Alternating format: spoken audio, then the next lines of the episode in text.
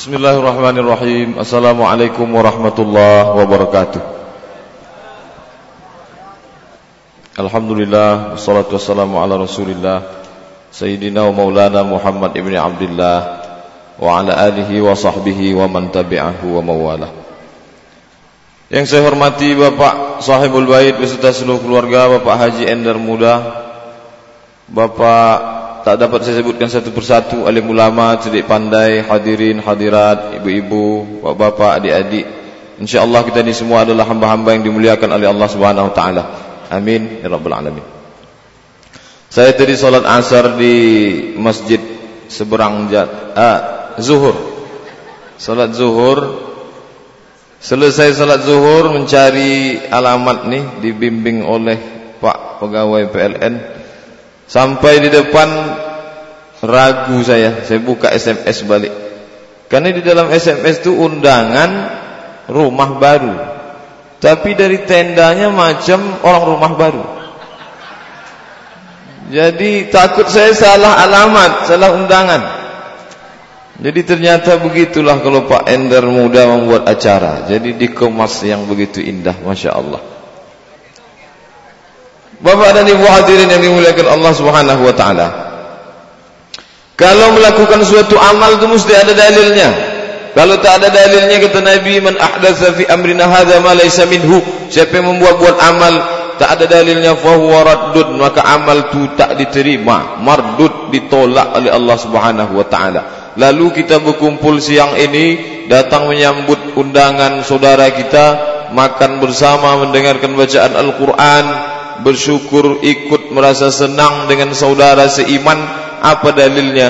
Maka seorang ulama bernama Ibnu Hajar Al-Asqalani menyebutkan ketika Nabi Musa alaihi salam diselamatkan Allah menyeberang laut merah sampai ke Palestina itu terjadi pada tanggal 10 Muharram. Maka Nabi melaksanakan puasa Mengapa Nabi berpuasa? Bersyukur karena Allah menurunkan nikmat diselamatkan Nabi Musa. Nabi SAW puasa hari Senin. Mengapa Nabi puasa hari Senin?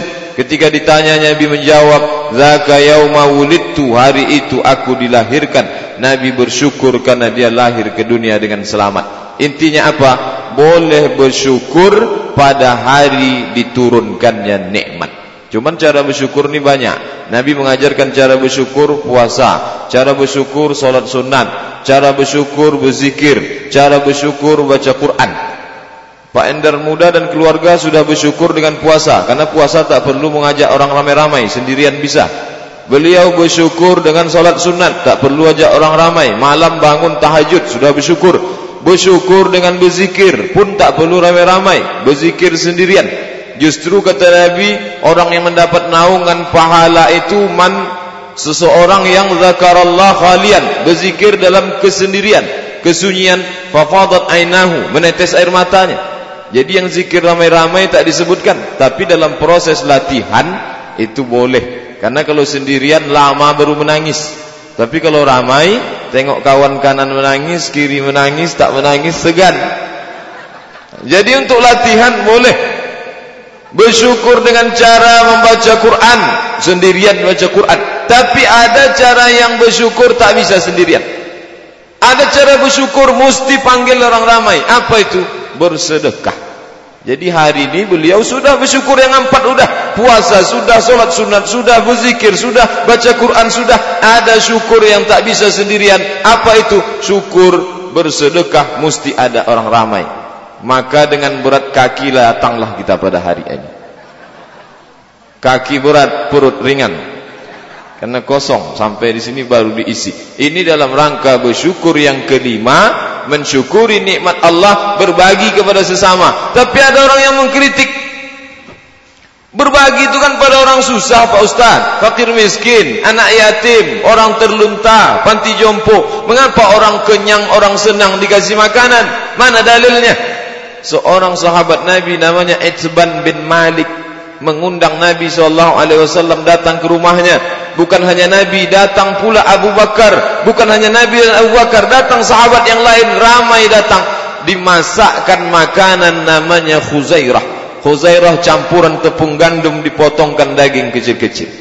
Itu dimakan bersama. Jadi ada dalil mengundang orang makan bersama atas dasar mensyukuri nikmat Allah Subhanahu wa taala yang kita lakukan hari ini adalah melaksanakan sunnah Rasulullah sallallahu alaihi wasallam mensyukuri nikmat Allah dengan yang kelima dengan cara berbagi kepada sesama, bersilaturahim dan lain sebagainya. Bapak dan Ibu hadirin yang dimuliakan Allah Subhanahu wa taala, bercerita tentang rumah maka kalau kita buka Al-Quran ada beberapa kata yang menyebutkan tentang rumah. Dalam Quran disebutkan kata dar dalam rumah disebutkan kata manzil dalam Quran disebutkan kata bait dalam Quran disebutkan kata maskanah.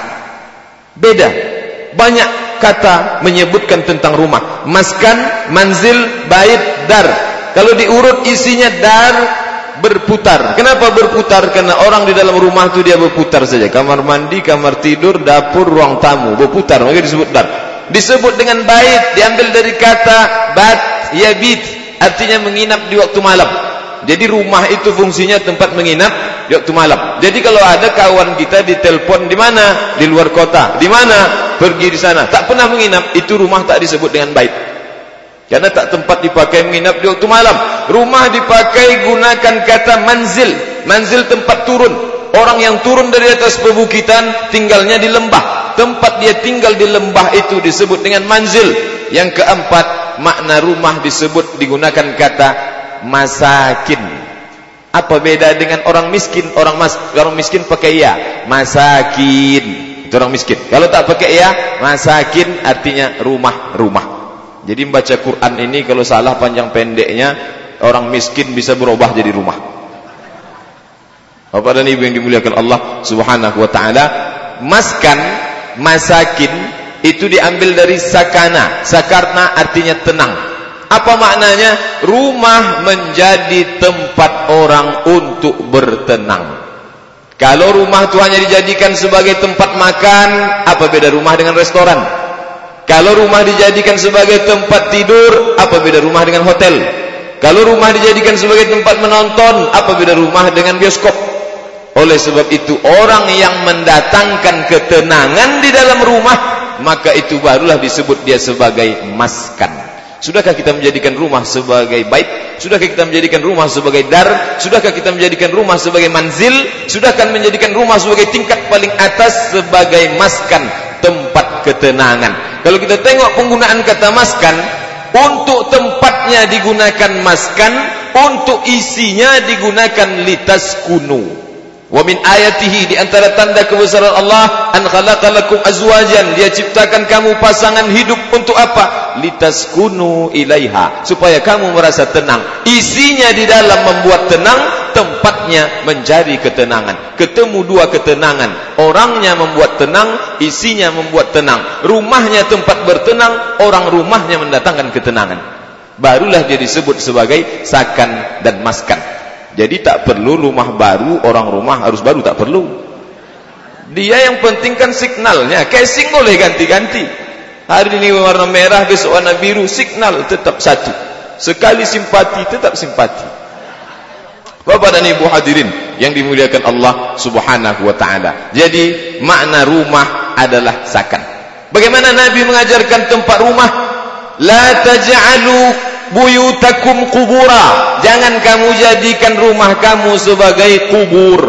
Mengapa rumah jadi kubur? Karena tak pernah diperdengarkan ayat-ayat Allah. Bagaimana cara sahabat Nabi membuat rumah supaya berubah tidak menjadi kubur?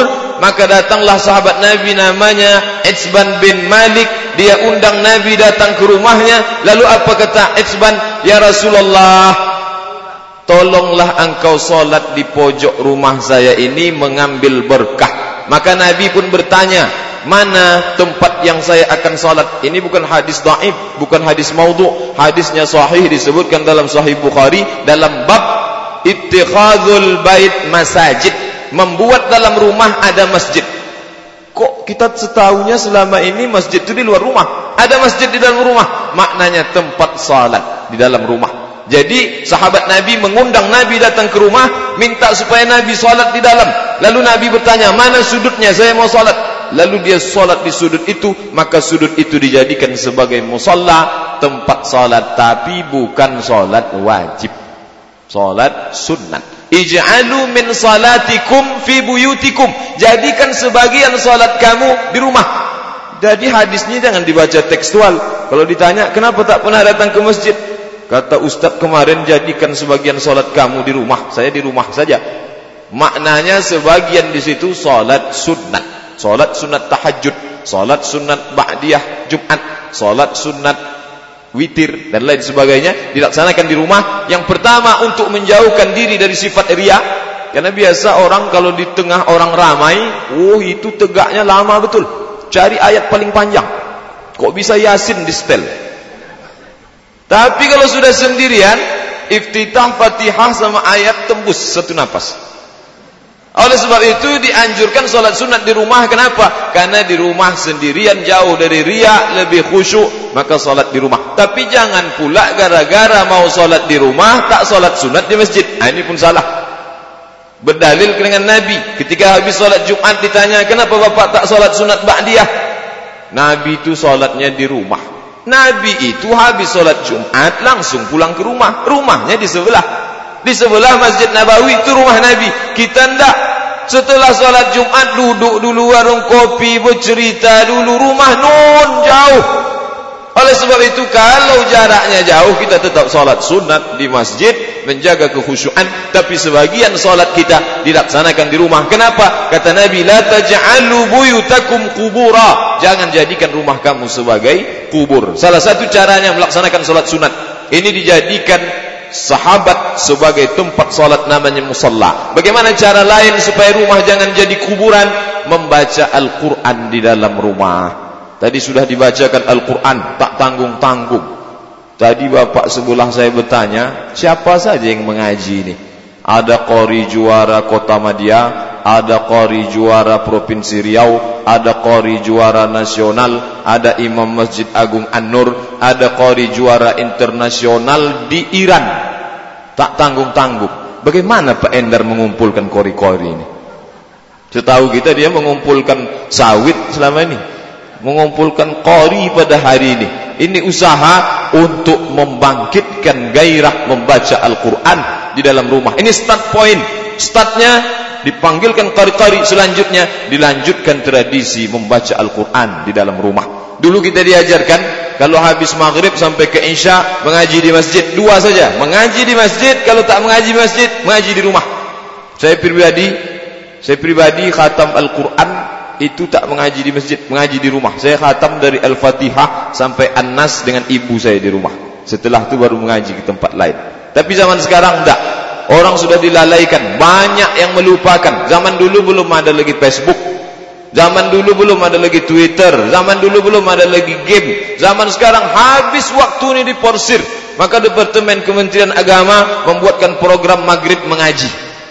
Untuk apa? Membangkitkan lagi tradisi lama menghidupkan kajian Al-Quran dari maghrib menjelang insya' bisa di rumah, bisa di luar rumah, tapi alangkah baiknya di rumah kita ramaikan membaca Al-Quran bersama keluarga, bersama saudara. Apa maknanya? Na'udzubillah. Dan memang sudah janji kita kepada Allah sampai usia kita tutup usia inna lillahi wa inna ilaihi raji'un meninggal kita tinggal anak itu di rumah maka ketika dia lewat di tempat kita sujud itu ketika dia menengok menetes air matanya maka dia berdoa rabbi ighfirli wa liwalidayya warhamhuma kama rabbayani saghira.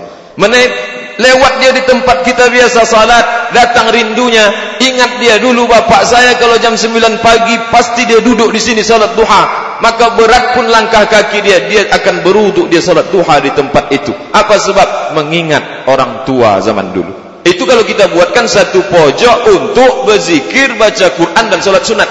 Tapi kalau dibuatkan satu pojok salon untuk minum kamput, nanti setelah kita mati dia pun ingat dulu bapak saya kalau malam tahun baru ramai-ramai diundangnya orang pesta sabu ke sini. Mari kita buat tradisi yang tak baik itu. Oleh sebab itu apa yang dilakukan Pak Endar Muda hari ini, ini bagian dari dakwah, ini bagian dari mengajarkan sunnah yang baik kepada anaknya khususnya dan keluarganya. ini akan dilanjutkan 20-30 tahun akan datang kita musnah dari permukaan bumi ini. Tradisi yang baik ini akan tetap mereka laksanakan. Apa kata Nabi? Man sanna fil islami sunnatan hasanatan. Siapa yang melaksanakan sunnah yang baik falahu ajruha wa ajru man amila biha. Dia dapat pahalanya. Ketika dia meninggal dunia anaknya melanjutkan maka pahala itu tetap mengalir itulah yang kita inginkan pada hari ini Bapak dan Ibu hadirin yang dimuliakan Allah Subhanahu wa taala. Yang kita lakukan petang ini akan selesai. Berakhir waktu maka berakhirlah acara. Tapi orang lain akan terinspirasi dan inspirasi itu dia wujudkan dalam bentuk amal lalu diikuti oleh orang lain. Bisa dibayangkan satu menular sepuluh, sepuluh menular sepuluh menjadi seratus ribu, sejuta dan lain sebagainya. Ini akan menjadi investasi dunia akhirat yang akan kita kutip amal jariah di akhirat kelak. Bapak dan Ibu hadirin yang dimuliakan Allah Subhanahu wa taala, pertama membuat sudut di rumah sebagai tempat salat, zikir dan baca Al-Qur'an supaya kita menjadi beramal di dalam rumah. Satu lagi yang diajarkan Nabi sallallahu alaihi wasallam juga disebutkan dalam Al-Qur'an, ya ayyuhalladzina amanu, hai orang beriman, la tadkhulu buyutan ghayra buyutikum. Jangan kamu masuk ke rumah selain rumah kamu hatta tasta'nisu wa tusallimu mengucapkan salam. Mengucapkan salam apa maknanya? Memberikan ucapan tiga ucapan dalam satu hembusan nafas. Assalamualaikum warahmatullahi wabarakatuh kepada orang di rumah. Walaupun itu orang rumah kita sendiri, kita ucapkan salam. Tak ada orang di rumah, ada makhluk Allah yang lain, jin muslim yang ada di dalam. Kita ucapkan salam kepada mereka. Assalamualaikum warahmatullahi wabarakatuh. Bapak dan Ibu hadirin yang dimuliakan Allah, banyak orang menyepelekan salam dia anggap ini salam ini bisa diganti dengan selamat pagi.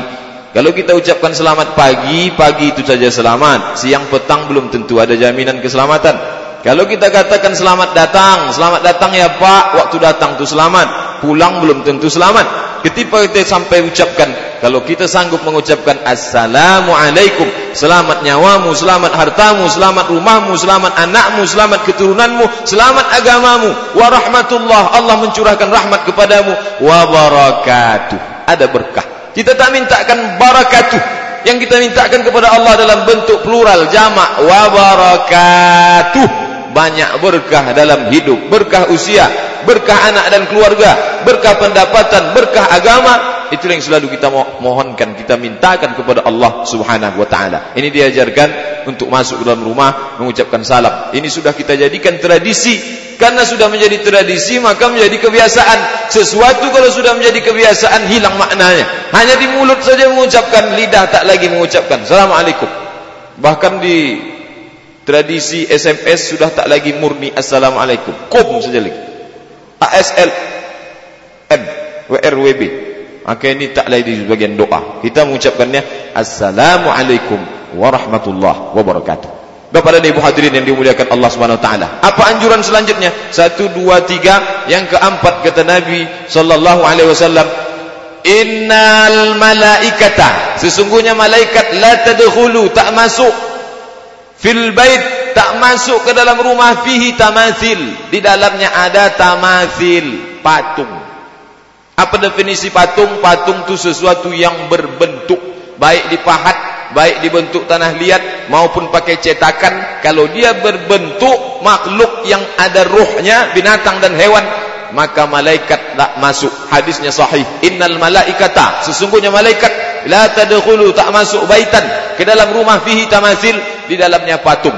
Tapi yang tak masuk ini malaikat rahmat. Malaikat maut tetap juga masuk.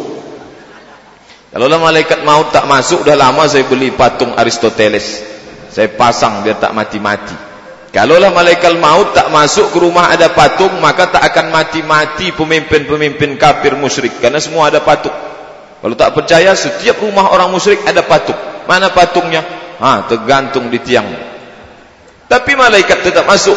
Malaikat maut, malaikat rahmat yang menebarkan ketenangan itu tak masuk. Oleh sebab itu, ketika seorang bapa mengajarkan Quran kepada anaknya dari maghrib sampai ke isya, dia bacakan ayat-ayat, dia bacakan hadis-hadis, maka malaikat berkumpul.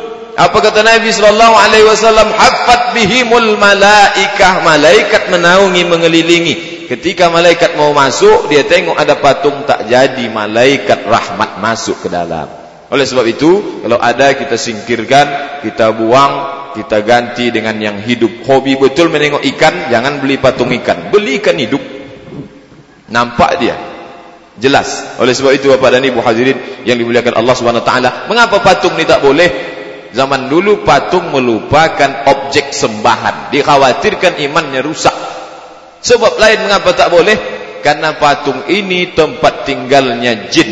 Berarti kalau orang menyediakan patung di rumahnya Itu sama dengan menyiapkan satu kamar untuk jin. Lalu dia setiap hari mengusir jin. A'udzubillah minasyaitanirrajim A'udzubillah minasyaitanirrajim Jin itu pun bingung. Ini orang kaya disiapkan kamar Tapi selalu diusir. Maksud lo kata jin itu Kamu sudah disiapkan kamar Ini kamar untuk kamu Tapi dibacakan A'udzubillah Dia heran Ini orang kontradiktif Ada yang menyalah dengan kajinya Tak lurus kalau kita mau usir setan, usir setannya, usir juga tempatnya. Jangan dibuatkan tempat lalu dia diusir. Oleh sebab itu kadang setan ini dengan kita banyak juga dia bingung. Semalam saya berceramah ke Rokan Ampat Koto. Baru pulang tadi malam menjelang subuh. Kata bapak itu, Pak Ustaz saya mendengar hadis ini entah sahih entah tidak. Apa namanya Pak? Katanya setan itu minta pensiun dini. Ah saya tak pernah dengar. Apa sebab? Katanya sebab yang pertama setan tu minta pensiun dini katanya karena setan tu mengaku banyak manusia yang ulahnya lebih parah dari kami lagi. Jadi pekerjaan kami ini sudah mereka lakukan lagi untuk apa lagi kami berbuat? Tak perlu lagi kami menggoda. Dulu kami menggoda orang jahat, orang baik. Orang baik yang kami goda kata setan. Sekarang sudah banyak orang jahat. Jadi sesama setan tu apa lagi kami saling menggoda kata setan. Itu kemudian sebab yang lain mengapa dia minta supaya pensiun dini sering kali kami ini dijadikan kambing hitam dia mencuri disalahkannya kami dia berzina disalahkannya kami dia makan korupsi disalahkannya kami padahal kami menggoda tidak makan pun tidak oleh sebab itu jangan sampai kita menyediakan tempat lalu mengusir ini tak sesuai Bapak dan Ibu hadirin yang dimuliakan Allah Subhanahu wa taala selanjutnya apa lagi yang tak boleh Wa minan nasi man yashri lahwal hadis. Ada sebagian manusia yang sengaja membeli lahwal hadis. Asal kata lahu sia-sia, hadis cerita, cerita sia-sia. Makna cerita sia-sia menurut tabi'in bernama Mujahid, murid daripada Abdullah bin Abbas, sahabat Nabi yang pakar tafsir Al-Quran. Makna lahwal hadis itu lagu. Tak boleh melagu-lagu di dalam rumah. Kenapa? Itu kecaman Al-Quran. Masalah lagu ni terbagi dua. Satu yang sangat ketat. Asal lagu Arab tak boleh. Apapun nama lagunya Arab. Asal melagu tak boleh. Melagukan Quran pun tak boleh. Makanya lurus-lurus saja baca Quran. Tak ada sababayati, nahawan, sika. Tak boleh. Hijaz tak boleh. Harus baca rata. Ini yang sangat ekstrim. Yang satu ni tidak. Tengok dulu lagunya apa. Kalau dengan lagu tu membuat Al-Quran tu masuk ke dalam hati, maka kita kenal qari-qari yang besar Syekh Abdul Samad Abdul Basit Syekh Khalil Al-Husari Syekh Nu'aina ini orang-orang yang dengan suaranya memasukkan Al-Quran ke dalam lagu ke dalam hati manusia kalau dibaca lurus-lurus saja bisa jadi dia tak masuk masuk telinga kiri keluar telinga kanan. Kalau masuk masih lumayan. Ini masuk telinga kiri keluar juga telinga kiri. Tak masuk sama sekali. Oleh sebab itu kata Nabi SAW zayyinul Quran bi aswatikum hiasilah Al-Quran dengan suara disuruh menghiasi Quran dengan suara. Bahkan dalam hadis lain apa kata Nabi? Laisa minna man lam yataghanna bil Quran. Bukan golongan kami orang yang tidak melagukan Al-Quran. Tapi tentulah lagunya lagu yang sesuai tidak merubah makharijul huruf tidak merubah panjang pendek dan lain sebagainya. Ini yang menyentuh hati masuk ke dalam kalbu sehingga ketika orang mendengar bacaan itu bertambah imannya. Mengapa sahabat Nabi dulu begitu nyaman mendengar bacaan boleh jadi karena suaranya bagus karena lagunya lembut menyentuh hati tak terasa lama tegak berdiri. Kita bisa rasakan sendiri. Kalau lo sudah suara tu ketat suaranya tak bagus kurang maka akan terasa lama. Tapi kalau ayatnya enak didengar itu akan mempengaruhi kehusuan salat kita. Demikian juga dengan di luar salat ini masalah lagu lalu lagu yang dalam bentuk umum maka seorang ulama bernama Syekh Yusuf Al-Qardawi menulis satu buku judulnya Fiqhul Aghani wal Musiqa fikih lagu dan musik. Jadi kalau selama ini kita dengar fikih zakat, fikih salat, fikih haji, fikih umrah, fikih taharah ada namanya fikih musik. Ini perlu bapak ibu beli untuk menunjukkan kepada anak-anak. Di situ disebutkan bahawa semua hadis yang melarang tentang alat musik hadisnya baik, tak bisa dijadikan sebagai dalil. Oleh sebab itu hukum musik, hukum lagu sama seperti ucapan. Kalau maknanya baik, maka dia menjadi boleh. Tapi kalau maknanya baik, tak baik mengajak peperangan, mengajak orang untuk berbuat kekerasan, mengajak kepada perbuatan maksiat, nafsu seks dan lain sebagainya, maka lagu ini haram. Kalau kita dengar tadi lagu yang dinyanyikan oleh saudara-saudara kita, hampir tak ada satu pun yang bertentangan dengan syariat. Lagu yang bagus. Ad-dinu lana, al-haqqu al-adlu lana, wal-haqqu lana, wal-kullu lana. Adilu lana agama itu untuk kita. Wal adlu lana keadilan itu milik kita. Wal haqqu lana kebenaran itu milik kita. Wal kullu lana. Semuanya yang baik-baik milik kita. Sehingga kita dengarkan dengan suara yang bagus dengan irama yang baik masuk ke dalam hati maka menjadi kebenaran yang masuk dalam hati orang beriman tapi kalau sudah lagu itu tak baik kata-katanya tak baik syairnya tak baik itu akan mempengaruhi kepada perbuatan orang Semester yang lalu saya mengajar metodologi studi Islam di Fakultas Ekonomi dan Sosial, Fekonsos. Sampai kepada tema tentang lagu saya jelaskan, lagu ini terbagi dua. Kalau lagu itu maknanya baik, mengajak berselawat kepada Nabi, mengajak mengagungkan agama Allah, mengajak membaca Al-Quran, maka dia baik. Tapi kalau lagu ini tak baik, maka dia mendatangkan azab Allah, maka hukum lagu itu pun haram. Tapi mahasiswa ini kadang dia meng congkel-congkel. Mana contoh yang tak baik Pak Ustaz? Banyaklah lagu yang tak baik. Kamu sendiri bisa dengar. Ya kami mau dengar. Cuma bunyinya? Terpaksalah saya nyanyikan satu lagu. Apa saya bilang? Kalau kamu mau dengar lagu tak baik, inilah dia dengar lagunya. Uh, tak ingat saya lagunya. Tapi bapak dan ibu bisa mendengarkan lagu-lagu yang tak baik.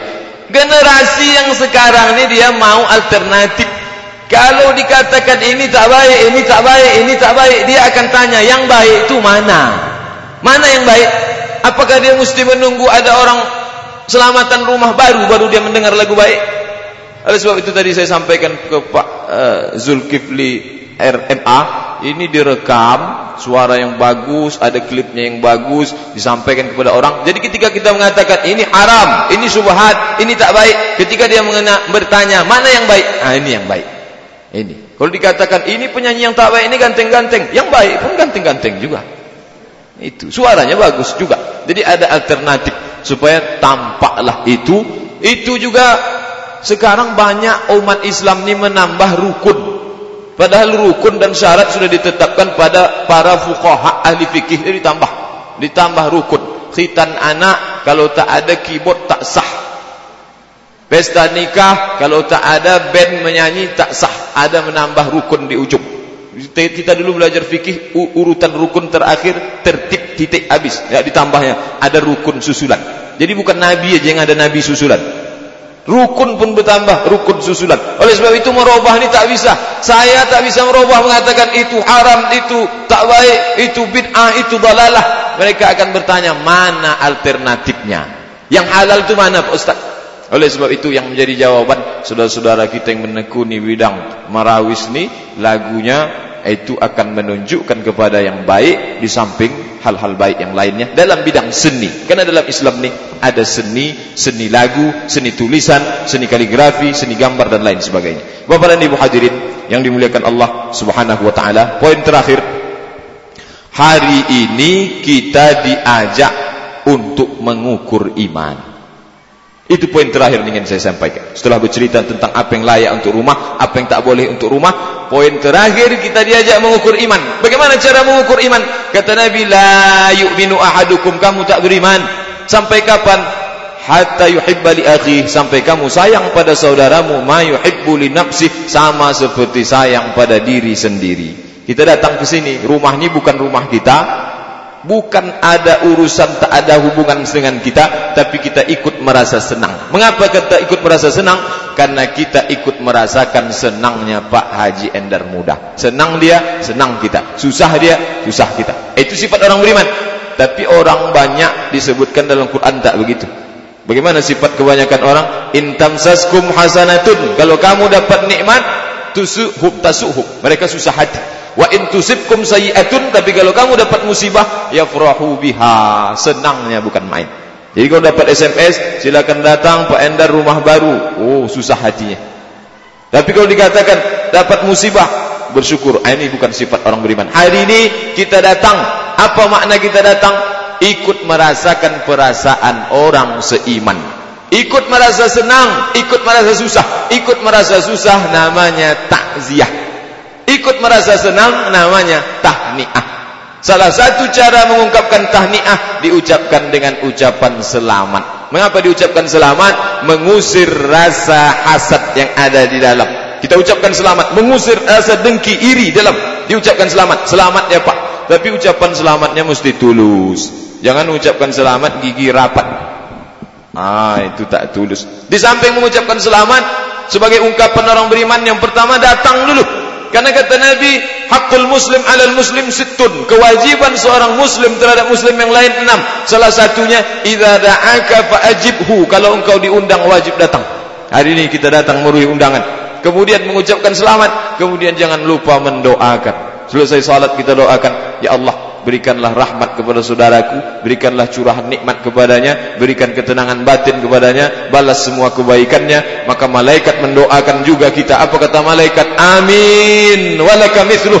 Perkenankanlah ya Allah engkau dapat yang sama macam yang engkau doakan untuk saudaramu Bapak dan Ibu hadirin yang dimuliakan Allah, itulah yang saya dapat sampaikan pada kesempatan kali ini. Mudah-mudahan ada manfaatnya. Yang baik datang dari Allah, yang tak baik dari diri saya sendiri. Kita akhiri dengan membaca kafaratul majlis. Subhanakallahumma wa bihamdika. Ashhadu an la ilaha illa anta astaghfiruka wa atubu ilaih. Wassalamualaikum warahmatullahi wabarakatuh.